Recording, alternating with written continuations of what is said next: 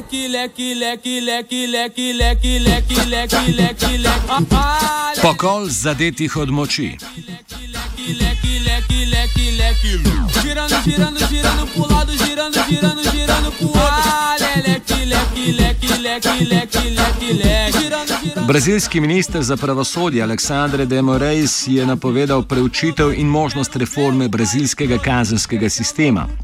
Izjava prihaja kot odgovor na nedeljski spopad med drugaraškima tolpama prva komanda prestolnice oziroma PCC in družina severa v zaporu Anisiju Žubem v zvezdni državi Amazonas.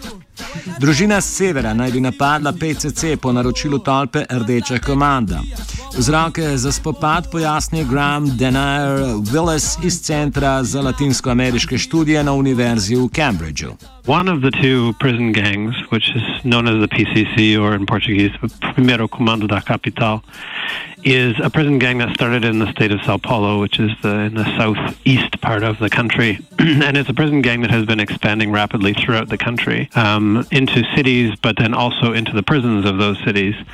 Um, it's, it's, an organization that has controlled a lot of the drug trafficking um, in the state of Sao Paulo, which is the richest state in, in the country, um, but has increasingly moved into more uh, peripheral parts of the country. Um, uh, so we've seen that up the northeast coast of Brazil and um, and into other uh, states as well in the south and elsewhere. Now, um, what's been happening in Amazonas is that this particular gang, the PCC, has found a great deal of resistance by a rival gang, um, which uh, which controls uh, large parts of the city of Manaus, and uh, and which has uh, has actively tried to um, limit the PCC from expanding into uh, into that part of the country. So what happened in this in this um, riot was a massacre of uh, of the PCC by this uh, by this local group, which is known as the the Family of the North, um, and th- their effort basically was to eliminate this gang from that city and to um, and to maintain some territory, not just in the prison but also in the city itself. So it's very important to remember that uh, the kinds of violence that happen inside the prison system, um, which are controlled almost entirely by drug gangs throughout the city, throughout Brazil, in almost all of its cities, um, is directly connected to um, to how drug trafficking happens in the cities themselves. The massacre in Manaus, in Amazonas, is interesting in this regard because um, basically what we've seen is that the, the Família do Norte, or the, the Northern family, has established a new alliance with the Red Command of Rio de Janeiro in opposition to the PCC. Um, and so we've seen the kinds of historical alliances that made things reasonably peaceful break down. Spopad med tolpama PCC in severno družino je zgolj eden v vrsti spopadov, ki so sledili prekinitvi premirja med PCC in Rdečo komando oziroma CV. Ta je druga največja brazilska talpa, severna družina pa je njena manjša zaveznica. Odnose med PCC in CV opiše Willis. I think there's a lot of misconceptions actually about how long the, the alliance between the Red Command and the PCC has endured. Um, there's a, there's a lot of popular imagination about that particular alliance, and that uh, you know, and that this was a, somehow a collective force, or that it was really well coordinated. Um, in my own research, uh, which uh, which started in the mid 2000s, I started to hear around 2010 that uh, the PCC had established new relationships with um, the ADA or the Amigos dos Amigos, which is a, a, direct rival of the Red Command in the city of Rio de Janeiro, and they were strategizing about how um, how that organization could defend itself from the pacification police of Rio de Janeiro, which was a new kind of police force created for the Olympics. So there's been actually a lot of communication between the PCC and these rivals of the Red Command over the last, say, five or six years at least. Um, so I think that this alliance, it's not that it just broke down in July, I think that's probably the first time that we saw very, um, very exceptionally and publicly that that was the case. Uh, so, you know, why did it break down? I think it, you know, if we were to say, look at it slightly differently, I think we would say uh, it's it's really directly related to the way the PCC has been expanding throughout the country, and how it has started to see uh, some of those historic relationships like with uh, the Red Command or with the the Friends of Friends organization, as um, as things which aren't necessarily important for it. It's so big that it doesn't really need to negotiate these kinds of relationships. Um, what's important now, of course, is that this gigantic massacre of PCC members uh, reshapes that map a little bit and it says, well, the PCC may have been expanding throughout the country and into Rio de Janeiro in ways that had not been very well contested, except for maybe in July and with this massacre, um, that now we're seeing something very different. There, that there is a response to the to the growth of this criminal organization um, that is substantive. PCC je nastala z namenom varovanja zapornikov in vzpostavila stroga pravila v zaporih, ki jih nadzoruje. PCC is a, is a drug trafficking organization that started in the prison system of Sao Paulo in the early 1990s. Um, actually, immediately after um, what a lot of people will reference as uh, the the previously most violent massacre, prison massacre in Brazilian history, uh, when police went into a particular prison called Carandiru in 1992, I think, and uh, massacred 111 uh, prisoners, um, many of them in their cells. So the PCC rose out of that context as a group which seeks to to limit the kind of violence that happens in inside the prison system.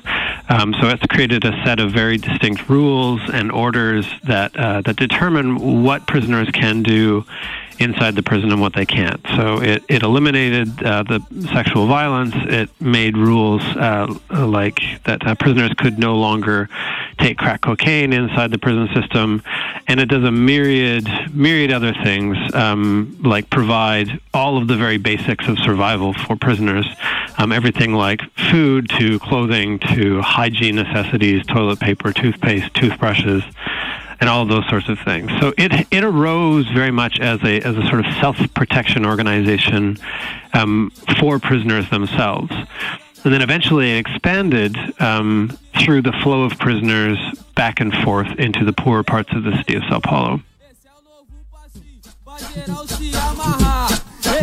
Premirje med PCC in Rdečo komando je bilo vzpostavljeno sredi 90-ih let prejšnjega stoletja.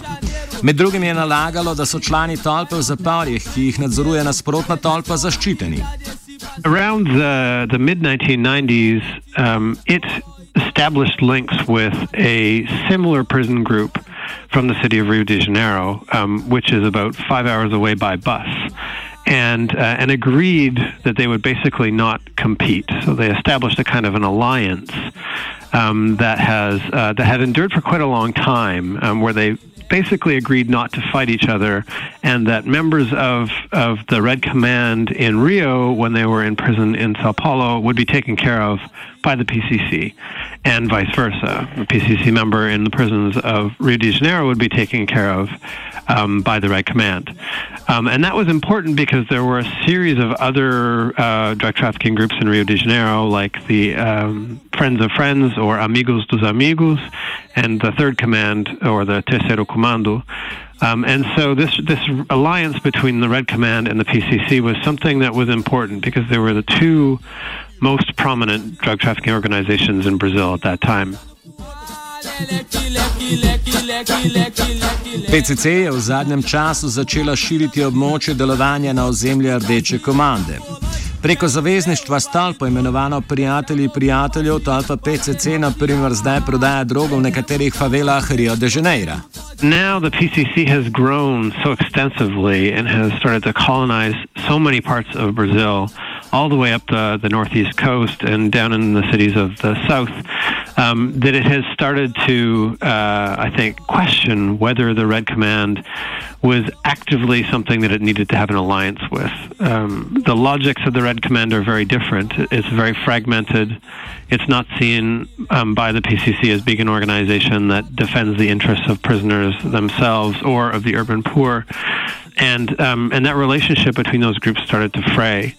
Um, and what we've seen recently in the Northeast, but also elsewhere, is that uh, is that the fraying of that relationship has opened up new territory and new kinds of violence. Vlada je kot odziv na nedavni poboj obljubila reformo zapornega sistema na državni ravni. Za začetek bodo zaustavili telefonsko komunikacijo med voditelji tolp v zaporih. Reforma pa bo predvsem morala rešiti problem prenaseljenosti zaporov. Zapor Amesiju Žubem je na primer zgrajen za dobrih 600, gosti pa skoraj 1500 zapornikov. Med leti 2004 in 2014 je število zapornikov naraslo za dve tretjini. Število zaporov pa se ni ustrezno povečalo. V zaporih, kamor se kar 70 odstotkov zapornikov povrne, so ti izpostavljeni slabim higijenskim pogojem in slabemu varnostnemu sistemu. Varnostniki namreč zaradi prenaseljenosti zaporov skrbijo le za varovanje zunanjih meja zaporov, za varnost njihovih posameznih kril pa sklenejo dogovore z med seboj rivalskimi drugeraškimi tolpami. Razmere v brazilskih zaporih predstavi antropologinja Alba Zaluar z Inštituta za socialne in politične študije v Rio de Janeiro. One of the problems is that we don't know exactly what is happening inside prisons in Brazil. We don't know, even know the, the actual number of prisoners in Brazil. We don't know uh, how many of them have sentences. There is a calculation that around 40% of them uh, have not been judged yet. They are what we call provisional prisoners, and yet they are there. Some, most of them uh, have uh, committed petty crimes. And they are in the same prisons where um, murderers, uh, muggers, important traffickers, chief of factions, the criminal factions as well. In Rio de Janeiro, 3% of the prisons have some kind of blockage for uh, cell phones. And yet, in some areas of Brazil, almost 90% of the prisons don't have any sort of blockage for cell phones. And cell phones go inside it.